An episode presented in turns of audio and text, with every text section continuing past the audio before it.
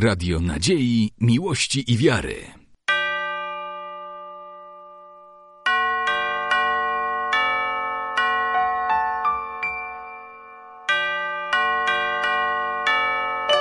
Radio Ortodoksja.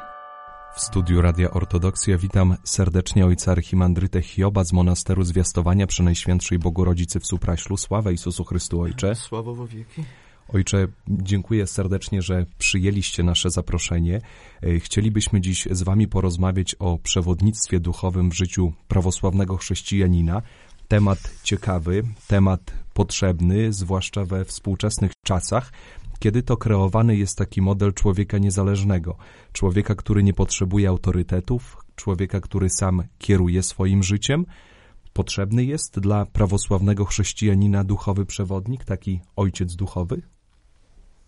Droga duchowa jest dość złożona i trudna, e, i dlatego nawet jeśli znamy teoretycznie e, tą drogę, to e, dobrze mieć kogoś, kto sam kroczy tą drogą, kroczył przed nami i zna trudne momenty, miejsca, przez, przez które sam przeszedł i może się podzielić swoim doświadczeniem, mm, ale również zna lepiej troszeczkę też naukę świętych ojców i może też przybliżyć nam tą naukę i tym samym pomóc w pokonywaniu tej duchowej drogi. Dlatego właśnie już w czasach Starego Testamentu mamy takie słowa w księdze Eklezjas, to jest księga proroka Salomona, napisana przed samą śmiercią jego, która, w której mówi się biada samemu, bo jeśli upadnie, nie ma kto by go podniósł. To jest słowa, które rzeczywiście mówią o tym, że w drodze jest potrzebny ktoś, kto nas podtrzyma, doda otuchy i będzie mógł nam pomóc. I dlatego i późniejsi ojcowie, chociażby święty Symeon, nowy teolog w X wieku, również mówi podobne słowa.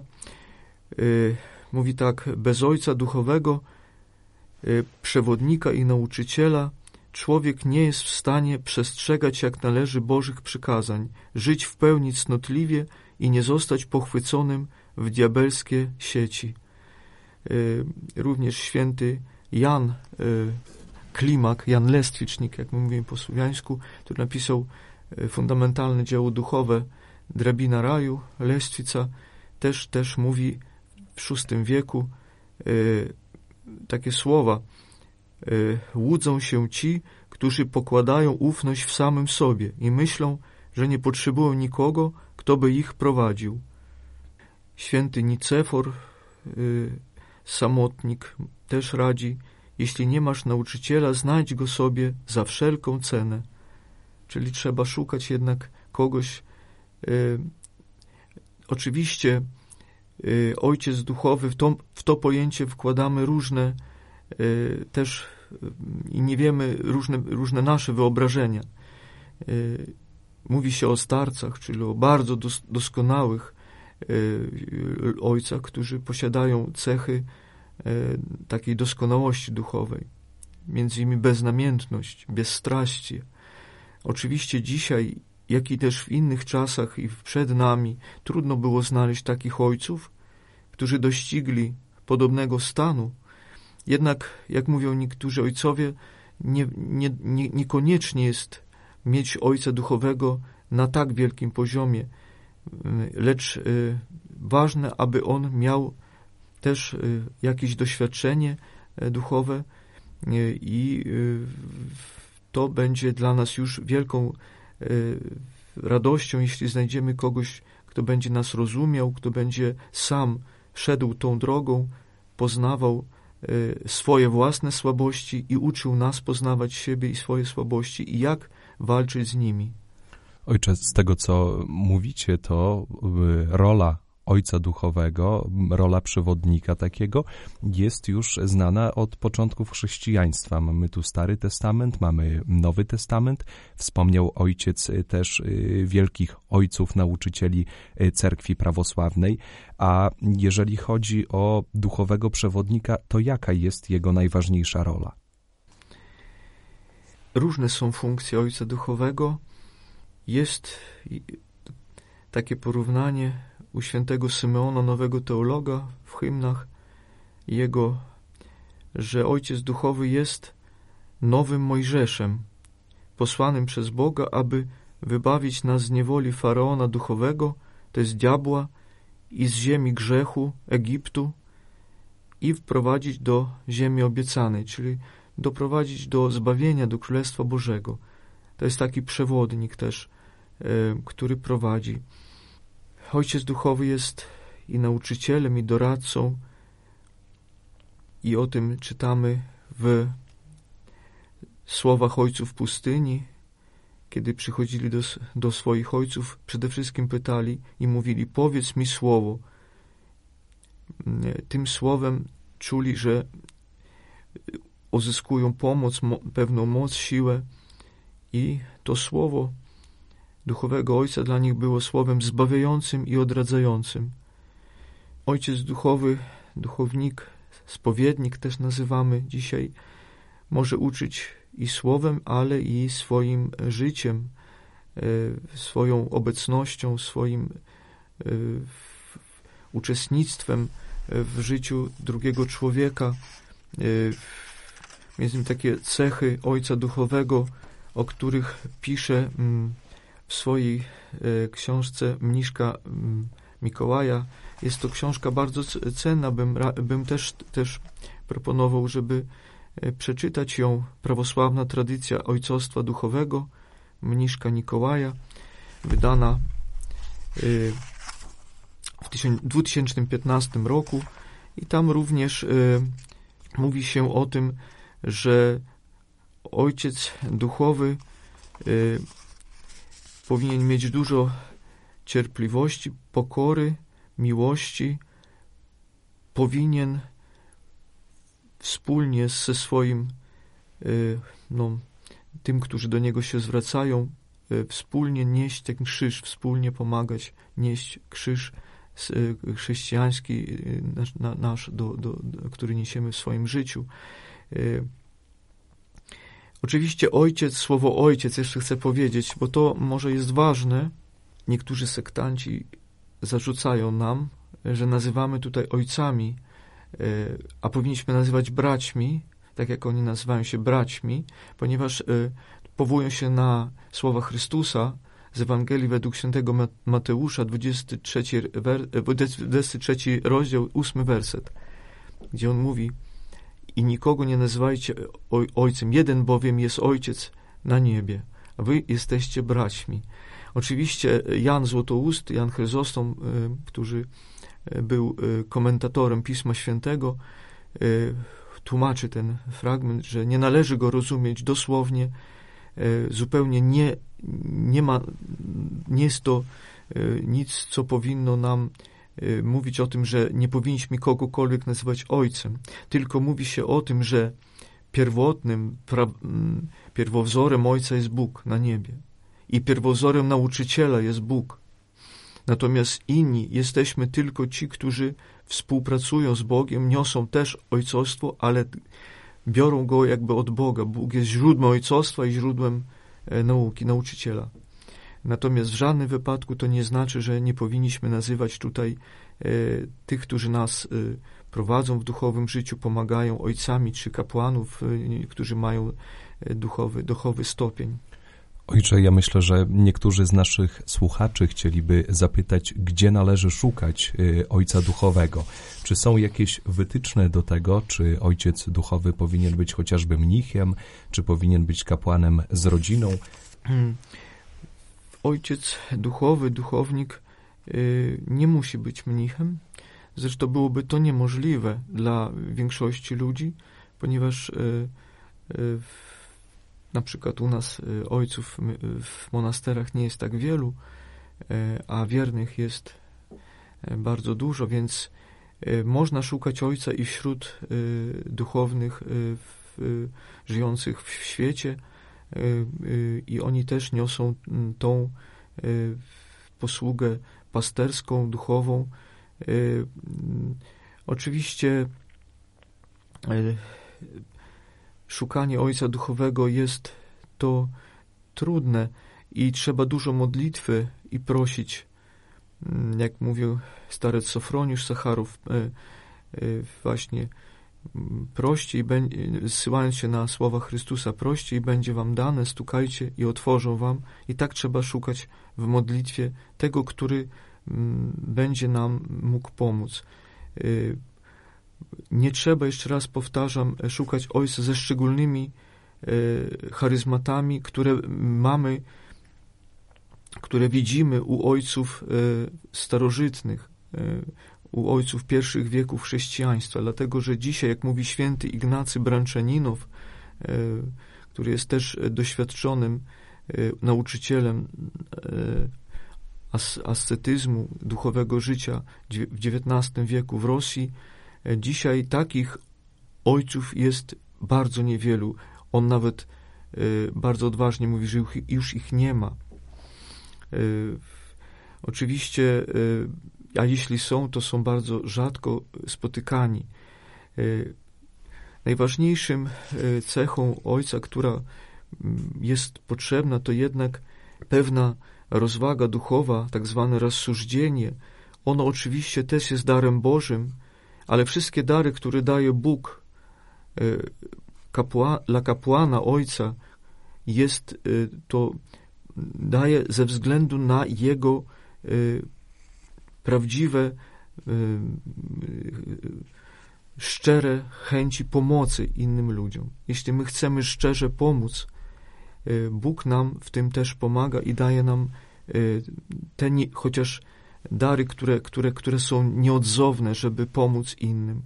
Natomiast jeśli porównywać dary, charyzmaty y, starożytnych ojców i dzisiejszych, to tak jak mówi ten święty Ignacy Bręczaninow, można to tak porównać, że dzisiaj duchowni ojcowie karmią, y, albo jeszcze inaczej, wcześniej karmili całymi chlebami duchowymi swoich, y, swoje dzieci duchowe, a dzisiaj może często to są suchary, a nawet okruchy. Ale jest to ze stołu świętych ojców, ze stołu tamtych ojców, tym niemniej już dzisiaj, żeby nie umrzeć z głodu i żeby mieć duchową strawę, to nawet to, co my możemy spożyć, w ten skromny posiłek duchowy będzie wystarczający, żeby, żeby jednak utrzymać się na drodze życia duchowego i nie, nie, nie zbłądzić gdzieś na manowce, e, które, które czyhają na nas e, właśnie przez, zastawione przez złe duchy.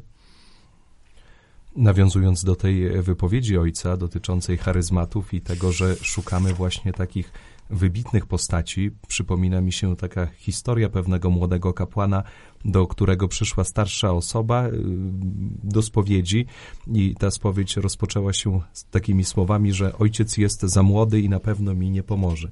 Czyli nie powinniśmy tak do tego podchodzić.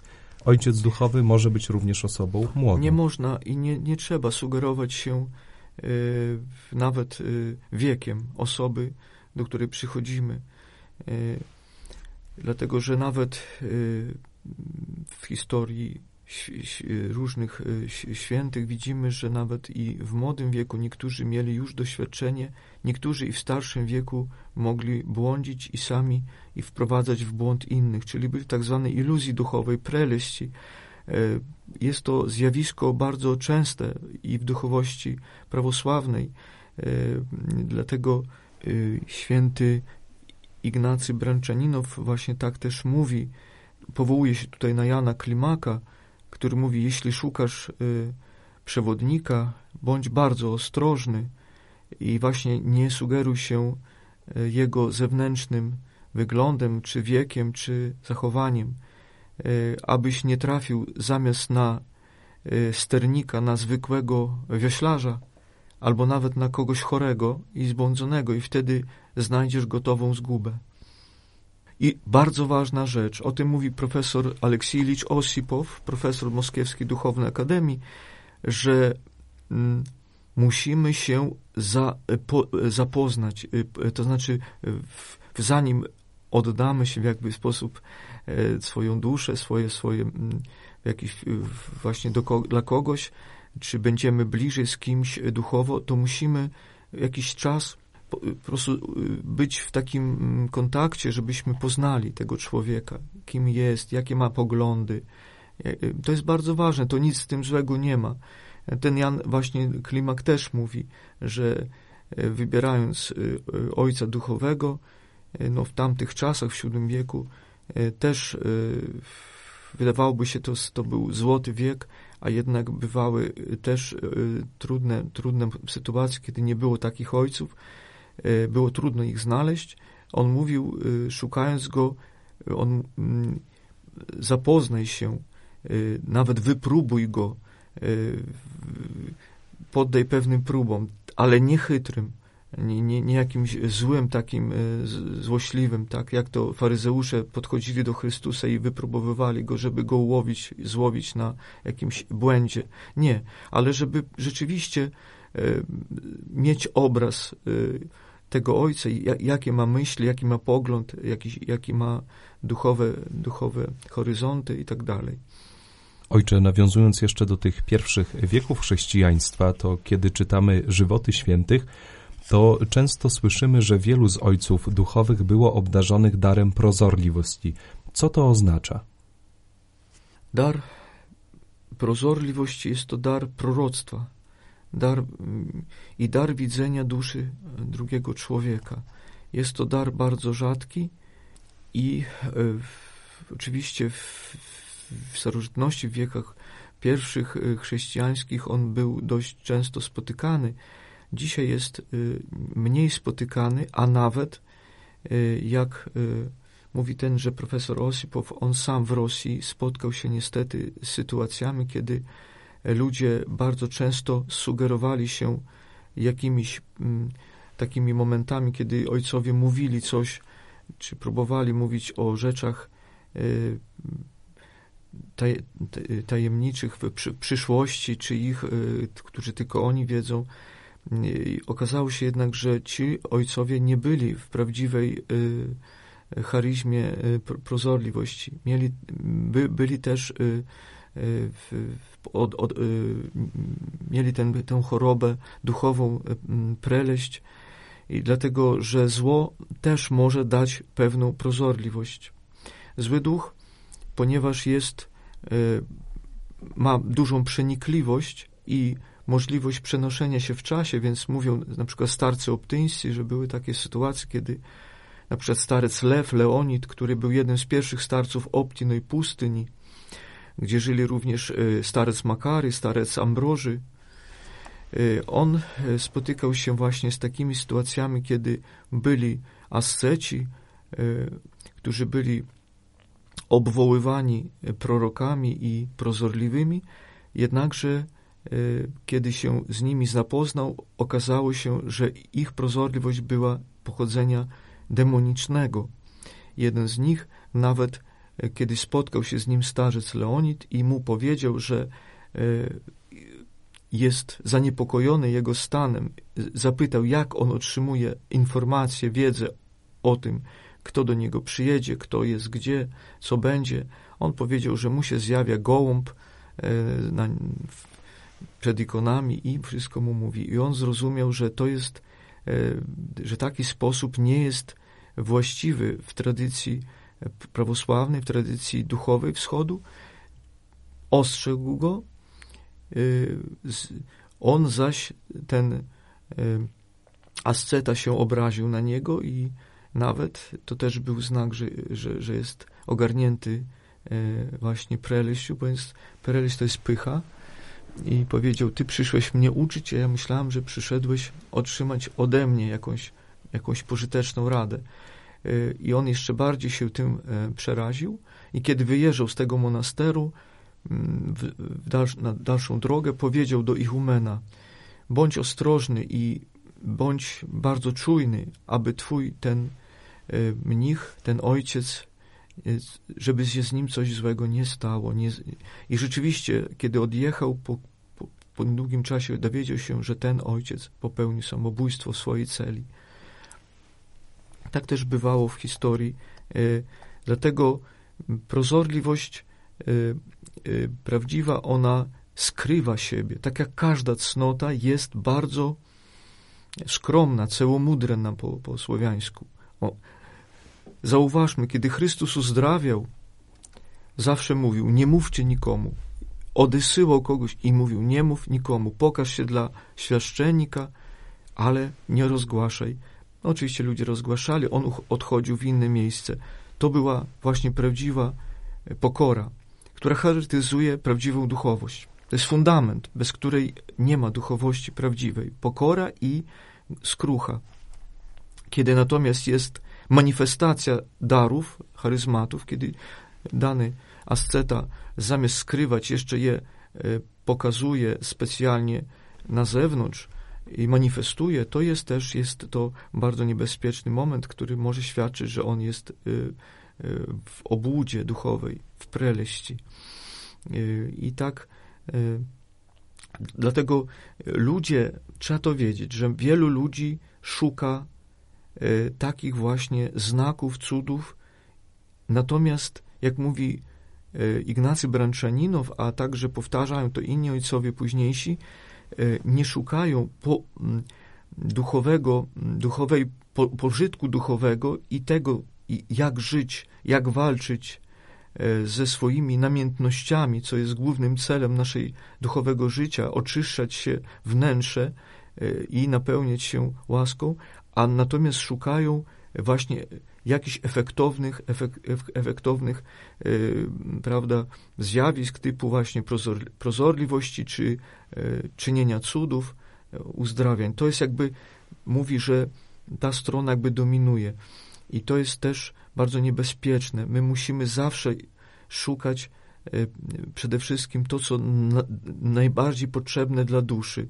Natomiast jeśli potrzebna jest prozorliwość, to oczywiście ten ojciec ją, jeśli ją ma, on ją wykorzysta, żeby nam pomóc, ale nie będzie nigdy manifestował jej prosto tak, żeby się, żeby pokazać prozorliwość, tego, że mm, ona wtedy nie ma sensu. Zawsze wszystko, co, wszystkie charyzmaty miały na celu y, jakiś, miały jakiś cel, czy mówienie różnymi językami, tak, w pierwszych wiekach.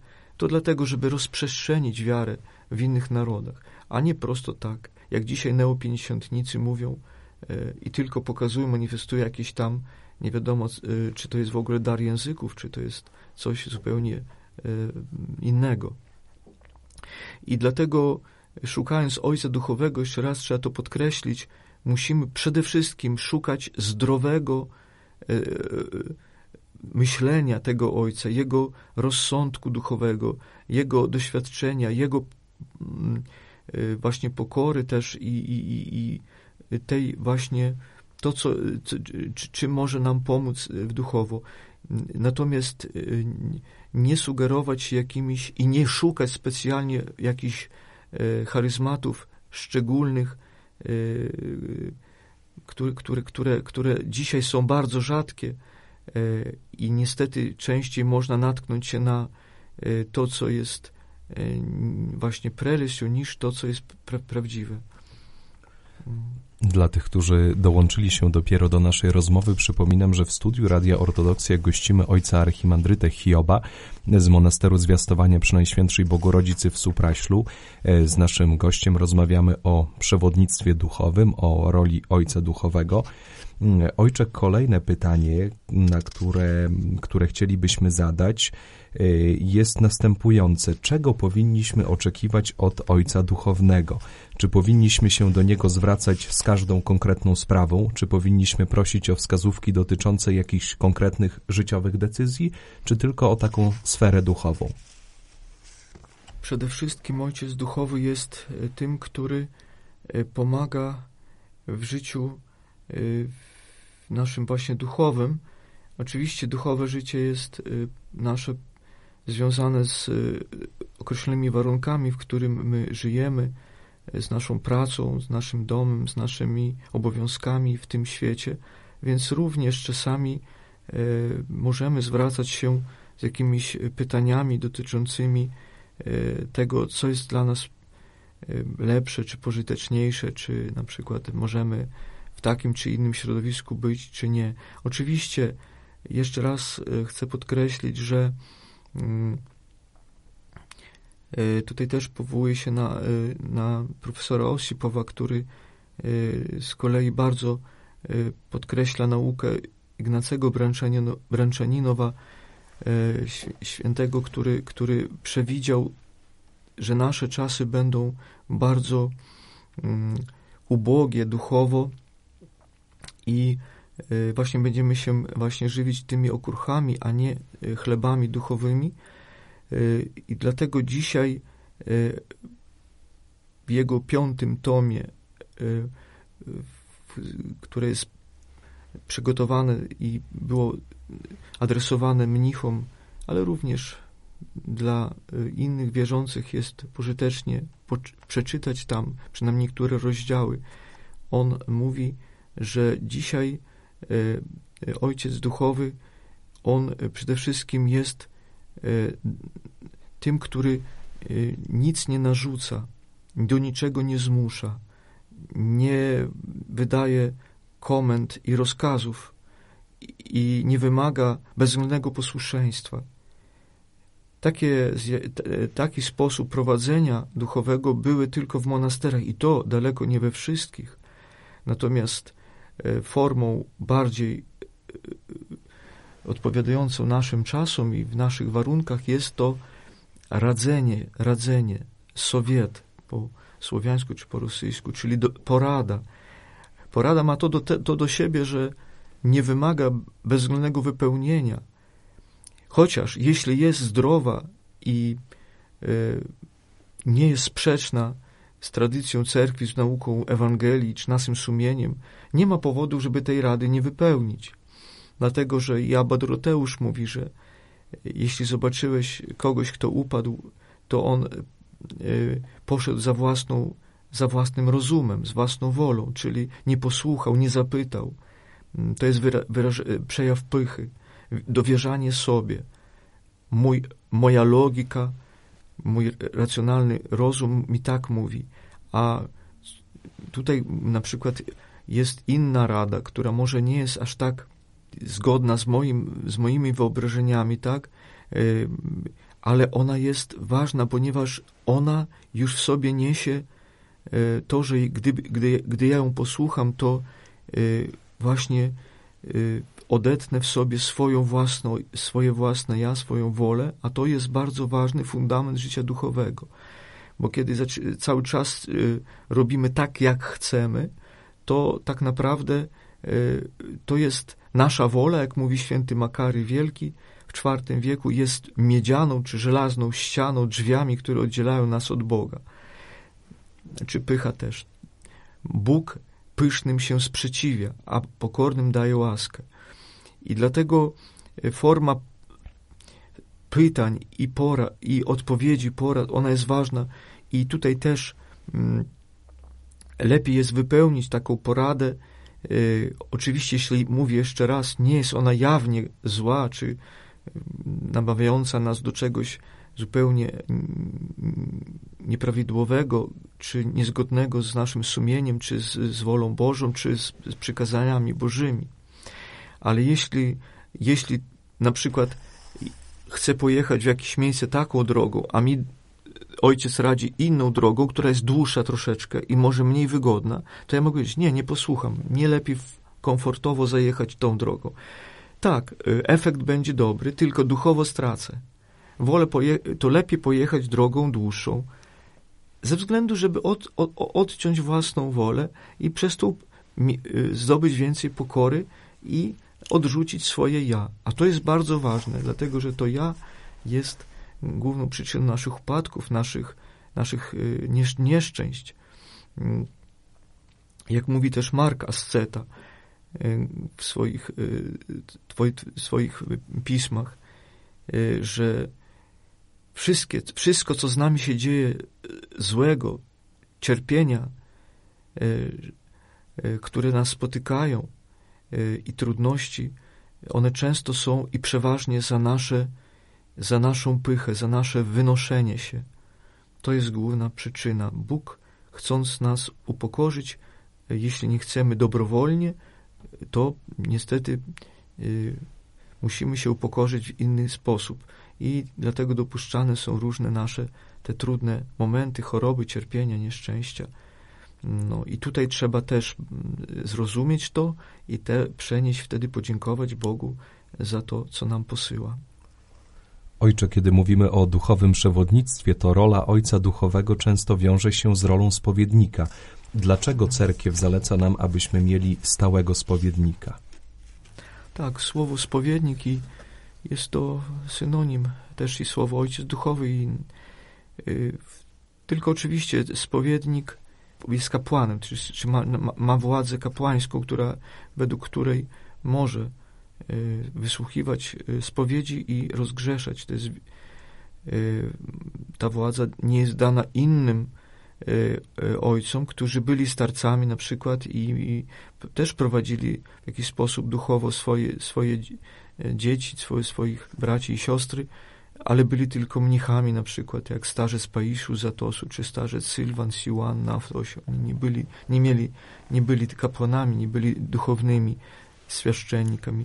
Natomiast świaszczennik właśnie może e, dokonywać sakramentu spowiedzi, kulminacyjnego momentu w pokajani. Pokajanie jest to proces, który trwa i nie ma końca na ziemi. Jak mówią święci ojcowie, kończy się tylko z momentem śmierci.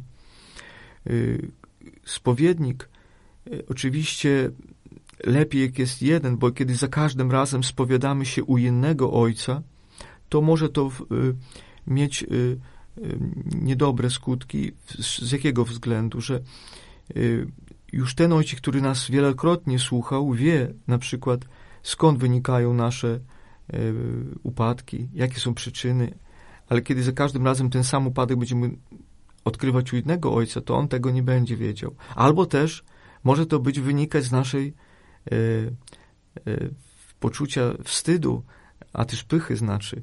E, bo jak cały czas musimy odkrywać jakiś grzech jednemu, to już staramy się tego nie powtarzać, bo, bo znowu pójdę i co ja będę znowu mówił temu ojcu, który już mnie spowiadał, ja znowu, a jeśli pójdę do innego, a potem jeszcze do innego, to wtedy to wygląda inaczej, tak bym jak pierwszy raz to zrobił. Czyli takie y, troszeczkę też może to tym być spowodowane też. Mm, ale y, lepiej mieć kogoś, kto, kto już y, zna nas i, i, i może też i przynajmniej skromnie, ale dać pewną radę. Mm, niech to będzie skromna rada, ale może być jednak Bóg za pokorę danego Ojca, za Jego modlitwę, mu może posłać myśl dobrą i nam w czymś tam pomoże tutaj E, odpowiednio. Mm, także e, i myślę, psychologicznie jest łatwiej jednak otwierać już temu, kto nas zna, niż nowemu komuś otwierać swoją duszę, e, ponieważ jest to trudne zawsze, trudniejsze mówić coś o sobie, o swoich intymnym, takim wewnętrznym życiu komuś, którego, któremu wcześniej nie mówiliśmy o tym. Ojcze, ale z czego to wynika, że tak mało osób ma stałych spowiedników? Przychodzi mi też do głowy jedna historia. Kapłani też bardzo często zwracają uwagę na to, że najtrudniejsza spowiedź to jest spowiedź na Świętej Górze Grabarce, kiedy przyjeżdża bardzo mhm. wiele e, osób, osób, które nie znamy i te osoby wtedy wyznają swoje takie najtrudniejsze grzechy trudno wtedy się spowiada. Dlaczego? Czy, czy, czy my boimy się właśnie takiej stałości, boimy się tego, wstydzimy się tych swoich grzechów, otwierać się przed jedną osobą? Jest to związane z tym nieprawidłowym pojmowaniem. Y, w książeczce, w, ksią, w, w małej broszurce takiej właśnie ojc, y, biskupa Kalisto Sauer, tam przeczytałem o prawosławne pojmowanie pokajania jest to mm, y, stwierdzenie takie, że i to jest stwierdzenie świętych ojców, że tak naprawdę przychodzimy nie do duchownego, a do Chrystusa. To Chrystus jest w centrum y, przed nami i sam duchowny, kiedy czyta modlitwy przed spowiedzią, mówi: Ja jestem tylko świadkiem. Ja jestem tylko grzesznym, jak, jak, jak, jak, i, jak i ten, kto przychodzi. Natomiast ten, kto przyjmuje spowiedź, ten, kto nam przebacza, który nas leczy duchowo, bo spowiedź i pokajanie to jest też e, leczenie, to nie jest, e, do tego podchodzimy nie w sposób jurydyczny, prawny, znaczy, czyli mówimy, grzechy nam są wybaczane i traktujemy wtedy Chrystusa jako tylko sędziego, który wybacza, który nas ułaskawia. I, ale Chrystus przede wszystkim jest lekarzem i zbawicielem, który nas ratuje, który nas zbawia, który nas reanimuje, tak jak na ojomie, tak jak na intensywnej terapii, który, który, który kiedy czasami grzechy są tak ciężkie, że już człowiek umiera duchowo, on przychodzi i w tym sakramencie, w tej szpitalu duchowym, którym jest cerkiew, on y, odzyskuje zdrowie, odzyskuje życie, powraca do życia.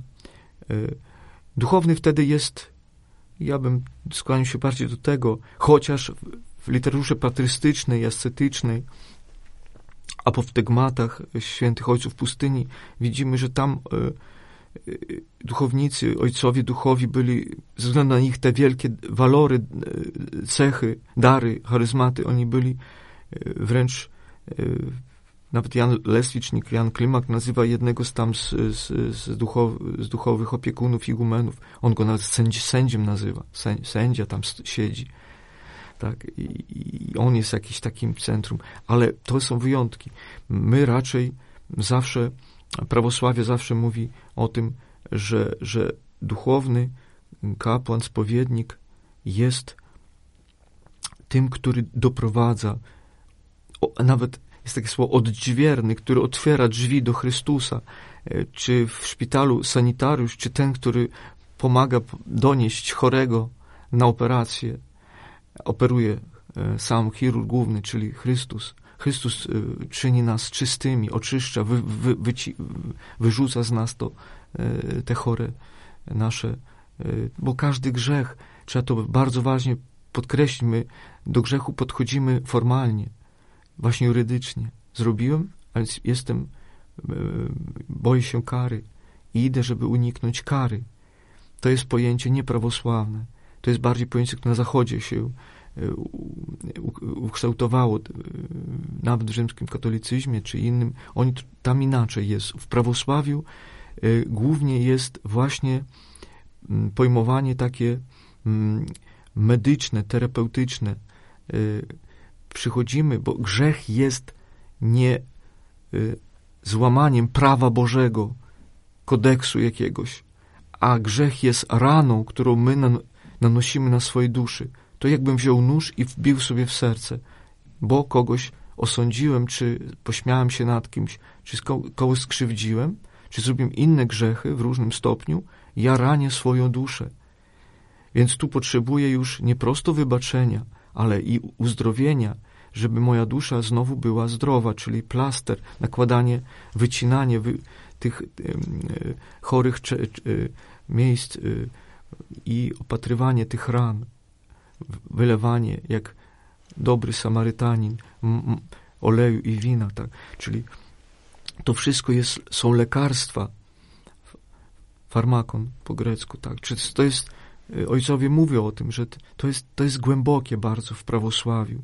To jest właśnie terapia. Nawet kapłan, który daje później e, epitemię, czyli to, co na zachodzi na pokutą. Epitemia nie jest karą.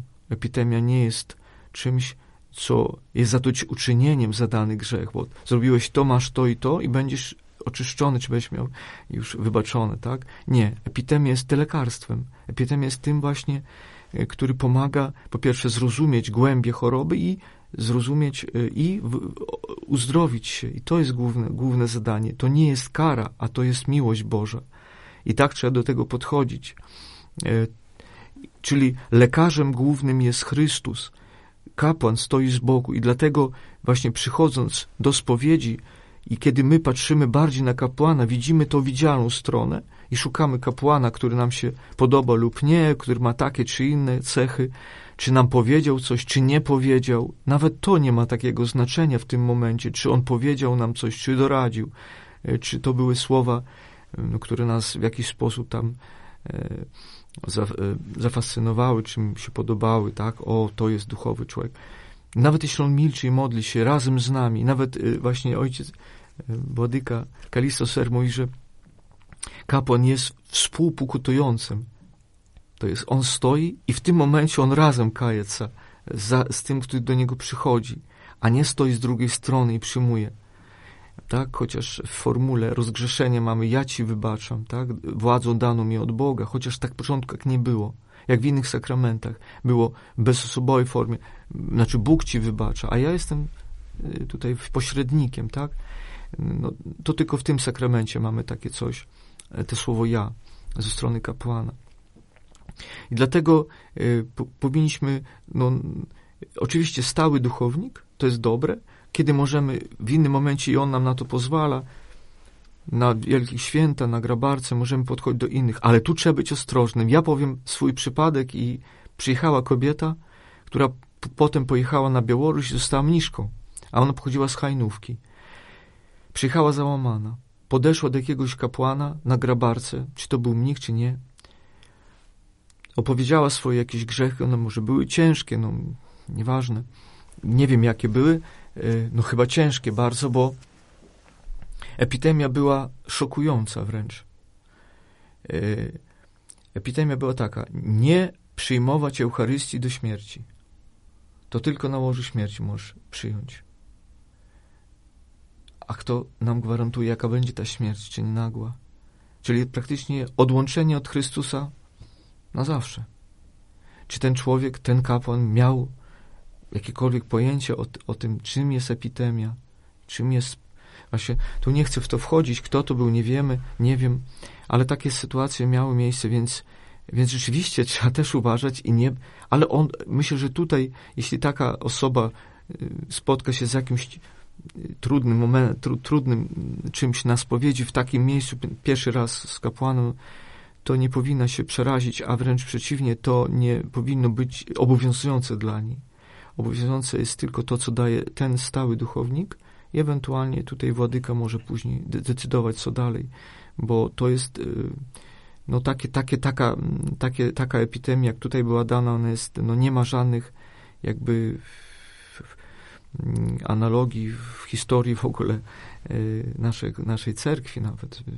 Oczywiście bywały takie, ale to, to, to, to, to rzadkością było i, i gdzieś w jakichś wielkich ascetycznych może monasterach, ale, ale i to e, po, tym bardziej, że kapłan tą, tą osobę widzi pierwszy może być ostatni raz. To nie jest ta osoba, która on cały czas ma z nią kontakt. Kiedy on na przykład kiedy wie, kiedy ona może podejść później ale to są rzeczywiście trudne momenty.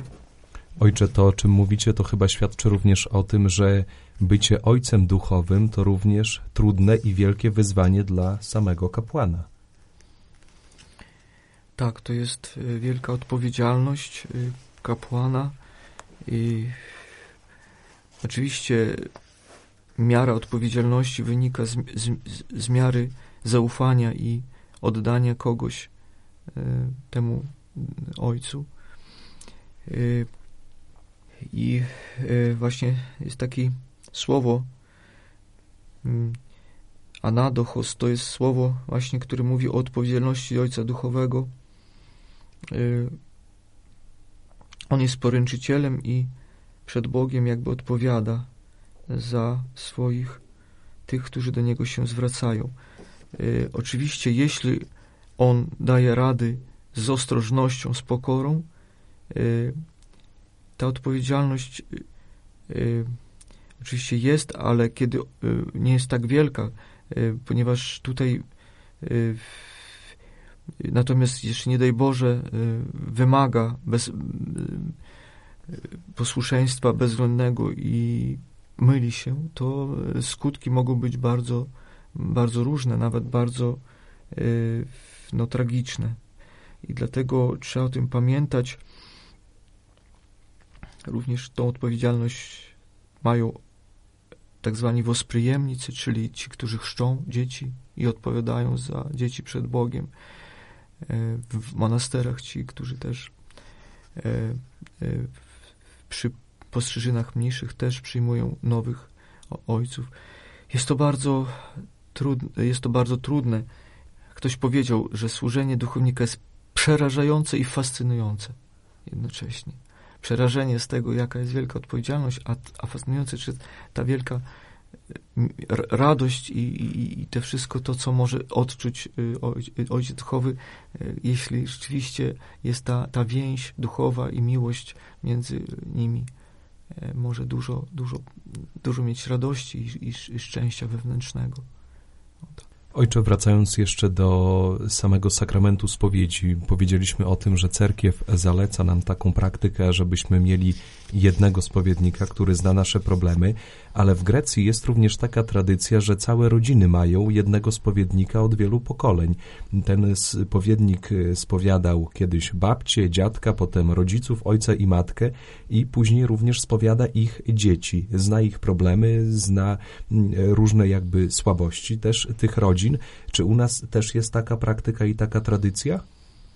Ja szczerze mówiąc, nie spotkałem się u nas w Polsce tak, e, z taką aż taką tradycją. Oczywiście to zależy, to nie, to nie jest jakaś y, pewna zasada, która musi obowiązywać. Ja myślę nawet, słyszałem taki pogląd, y, ja wiem, że profesor Osipów też nie jest ojcem cerkwi, tak, jako, więc on te sam mówi. Jak ja coś mówię od siebie, to lepiej nie słuchajcie. Jeśli potwierdzam to cytatami z ojców cerkwi, to dobrze. Ale on też, mi się wydaje, ma pewne doświadczenie, bo i miał swych duchowników, między innymi w młodości miał takiego duchownika, ojca Nikona Worobiowa, który był bardzo wielkim e, duchownikiem i jego listy mamy do dzisiaj, możemy przeczytać po rosyjsku, nie, nie doczekaliśmy się tłumaczenia po polsku. Nam ostableno pokajanie, to jest temat, to po rosyjsku tytuł, czyli nam jest dane dzisiaj zostawione pokajanie. To bardzo, bardzo mm, głębokie listy duchowej treści, które warto poczytać y, dla y, naszych wiernych. Y, więc on też mówi, że mm, nic na siłę. Bo, na przykład jest takie zda, zdanie, opinia i ja myślę też, bym się z tym też zgodził, że mąż i żona powinni mieć jednego duchownika który zna ich ogólnie i zna i to, tą stronę. A jeśli tylko mąż ma jednego, a żona chodzi do kogoś innego, to wtedy na przykład e, on mówi swojemu duchownikowi, e, jak on to widzi, ten problem na przykład, a duchownik nie zna na przykład problemu ze strony, jak widzi to żona, tak? Chociaż mogą przyjść, chociaż mogą przyjść do, i do tego duchownika razem. E, więc dobrze by było mieć jednego, ale jeśli ktoś wcześniej już miał duchownika, żona do, do, do, do wyjścia za mąż miała i ona jest związana z nim i mąż też miał kogoś i też jest bardzo związany i, i teraz na siłę odrywać e, od tamtego duchownika do nowego, to myślę, że to nie, nie warto. Można zostać i tak, tylko kwestia, e, że w spornych, trudnych momentach, żeby mąż i żona wtedy przyszli na przykład Y, może to najpierw do jednego, potem do drugiego razem, żeby, żeby było jasne dla obu. Y, sytuacja byłaby bardziej jasna, obiektywna, na przykład co się dzieje, dlaczego jest tak, a nie inaczej. A wiemy, ile jest problemów teraz i trudności w małżeństwach y, i dochodzących do konfliktów i nawet rozwodów. I duchownicy muszą ponieść ten, to brzemię, pomóc, żeby ratować też wspólnie to, te rodziny, domowe cerkwie, które się E, bardzo często e, rozpadają i to zaczyna się od bardzo błahych i często takich rzeczy, że aż się trudno uwierzyć, że to mogło być przyczyną e, takich konfliktów. Także jeśli gdzieś jest taka, a nie inna tradycja i ona przynosi owoce, to jest, my widzimy, po owocach poznajemy drzewo, jeśli już to wie, wie, wieloletnia tradycja i ona zdaje egzamin, ona przynosi owoce duchowe, dlaczego coś zmieniać, dlaczego wprowadzać coś nowego, e, nowatorstwo jakieś, a utrzymamy to, co jest. Ojcze, nawiązując jeszcze do tego, co powiedzieliście o rodzinie, ale taka młoda, współczesna rodzina może powiedzieć, no tak, ale my mamy psychologa, może on dla nas y, coś lepiej doradzi, on, on zna też różnych ludzi, zna różne sytuacje, które mogą występować w małżeństwie, zna różne problemy. Jak ojciec uważa, może rolę ojca duchownego, duchowego za jakiś czas, y, czy teraz powinien zająć psycholog? No, jest to oczywiście twierdzenie ludzi zupełnie nierozumiejących duchowego życia, czy cerk, cerk, no, ludzi szczególnie, którzy nie, nie poczuli na sobie też osobiście, jak działa. Prawdziwa na przykład spowiedź szczera, jak ona nas y, oczyszcza, jak, jak, jak, jak, jak powoduje, że nabieramy nowych sił, kiedy czujemy lekkość, kiedy, kiedy czujemy rzeczywiście, że nastąpił, nastąpiła wewnętrzna przemiana, bo tak i nazywa się pokajanie, meta, metanoja, metania, w zależności jakiej wymowy. Tutaj, czyli przemiana, zmiana zmiana myśli, zmiana, ale też zmiana wewnętrzna, mm, odrodzenie duchowe. Psycholog tego nie może zrobić. Psycholog jest tylko człowiekiem. Psycholog nie jest Bogiem. On nie ma prawa ani, ani siły e, oczyszczać naszą duszę z grzechów. On może pokazać pewne przyczyny. Psychoanaliza, psychoterapia. On może współpracować z duchownym i to byłoby optymalnie dobre. Mamy prawosławnych psychologów, na przykład mamy zdrowo myślących, wierzących ludzi, psychiatrów nawet. I jeśli te dziedziny współpracują e, dobrze, to mamy bardzo dobre efekty. Dlatego, że są stany, kiedy trzeba już nawet i leki przyjąć czasami. Ale jeśli ktoś powie, ja cię wyleczę, psychiatra albo psycholog, ja ci do końca pomogę, to jest nieprawda, to jest fałsz. To, e, on tylko może na początku wspomóc człowieka.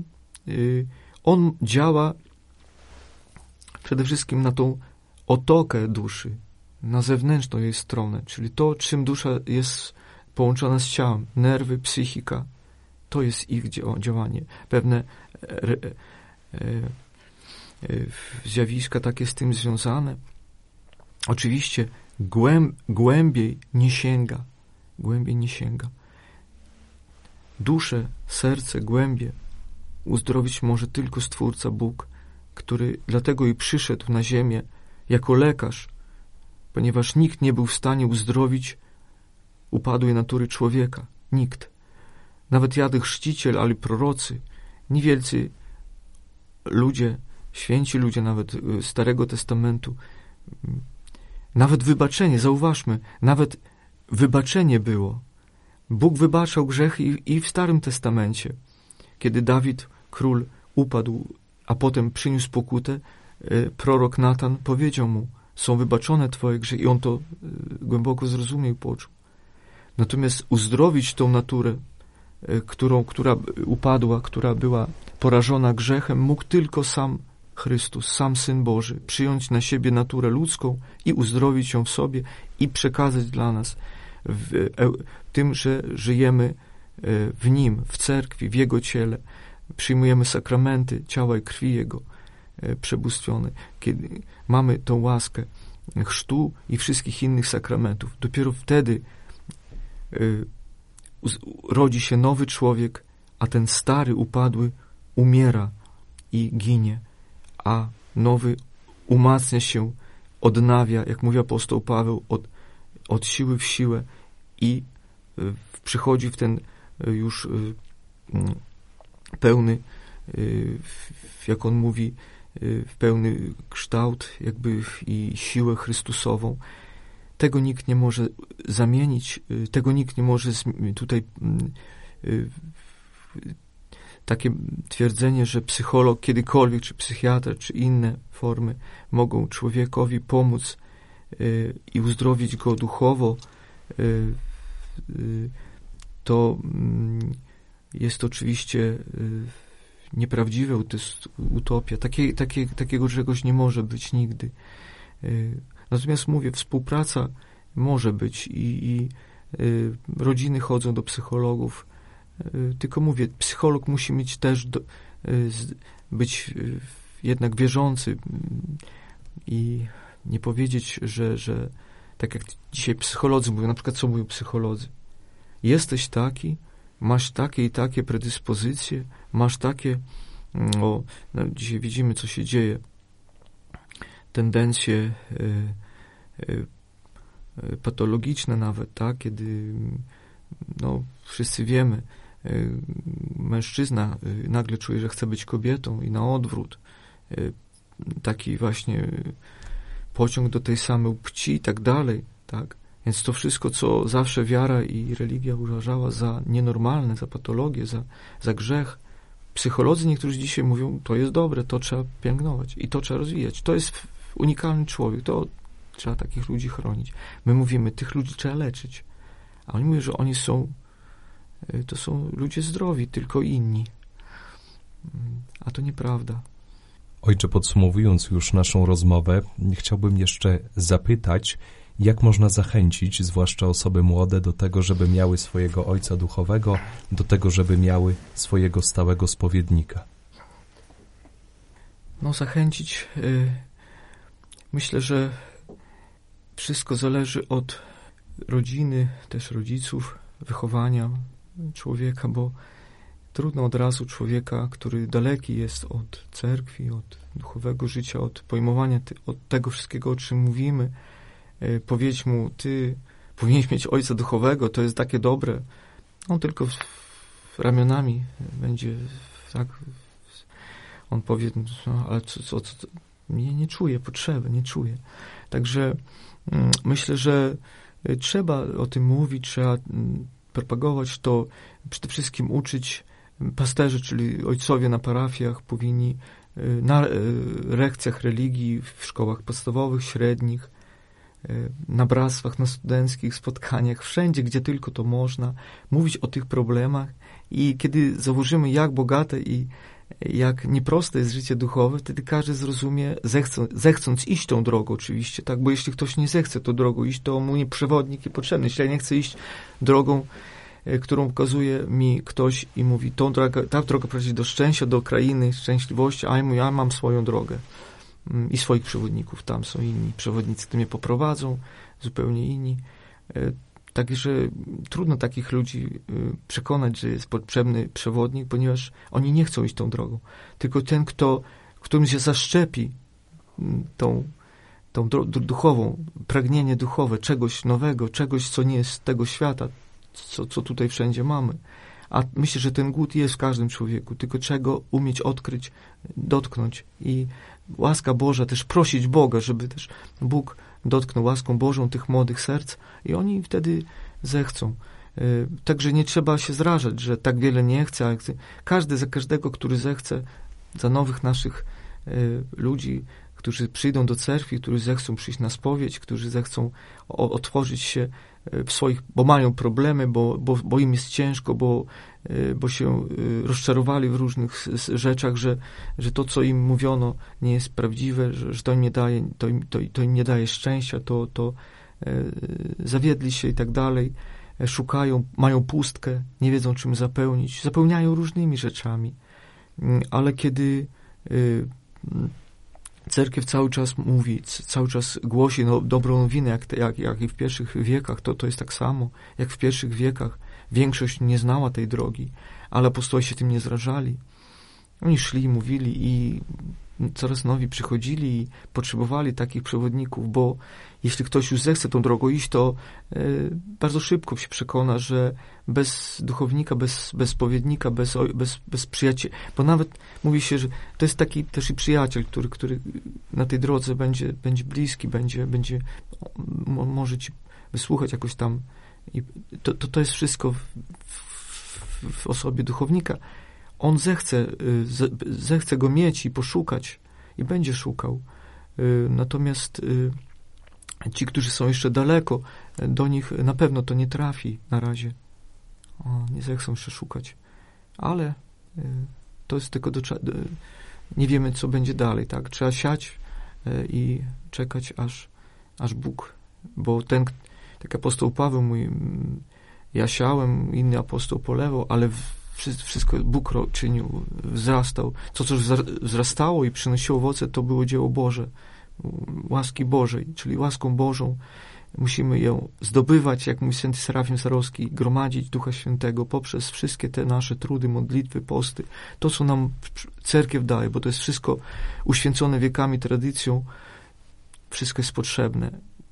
musimy do tego podchodzić właśnie z takim mm, pietyzmem, z takim właśnie z, z, chęcią wypełnienia właśnie takiego strachem Bożym, takim, no ale w tym sensie nie strachu takiego panicznego, a strachu, czyli takiego chęcia, chęci poznania Boga jako Boga miłości, bo wiadomo, że nasza cerkiew, wiara mówi, Bóg jest miłością.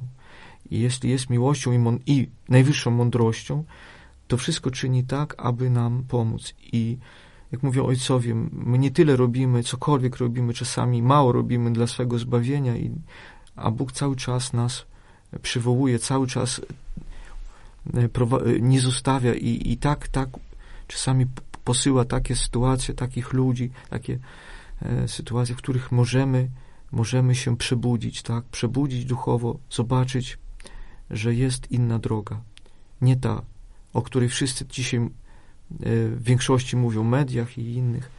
Jest inna droga, która, która dzisiaj przez wielu zapomniana, ale i Y, odkrywana przez wielu i, i, i wierzymy, że, że, że, tak dalej będzie. To, to jest nadzieja cerkwi, bo bez takiej nadziei trudno byłoby cokolwiek robić w cerkwi, żyć, e, trudzić się, budować świątynię, bo dla kogo?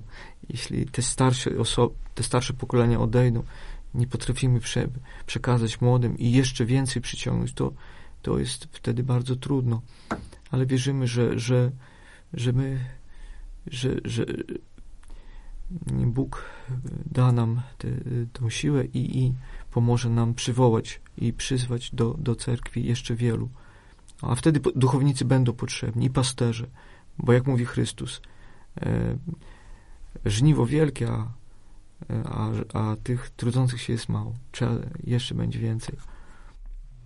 Oby tak było, ojcze. Tym optymistycznym akcentem chciałbym zakończyć rozmowę z archimandrytą Hiobem z monasteru Zwiastowania przy Najświętszej Bogorodzicy w Supraślu. Z naszym gościem rozmawialiśmy dziś o przewodnictwie duchowym, o roli ojca duchowego, o roli spowiednika. Ojcze, dziękuję serdecznie za te piękne, wartościowe spotkanie. Mamy nadzieję, że będziemy mogli spotykać się jeszcze częściej. A, dziękuję, spasibo. Dziękuję serdecznie, Ojcze. Sława Jezusu Chrystu. Radio Nadziei, Miłości i Wiary.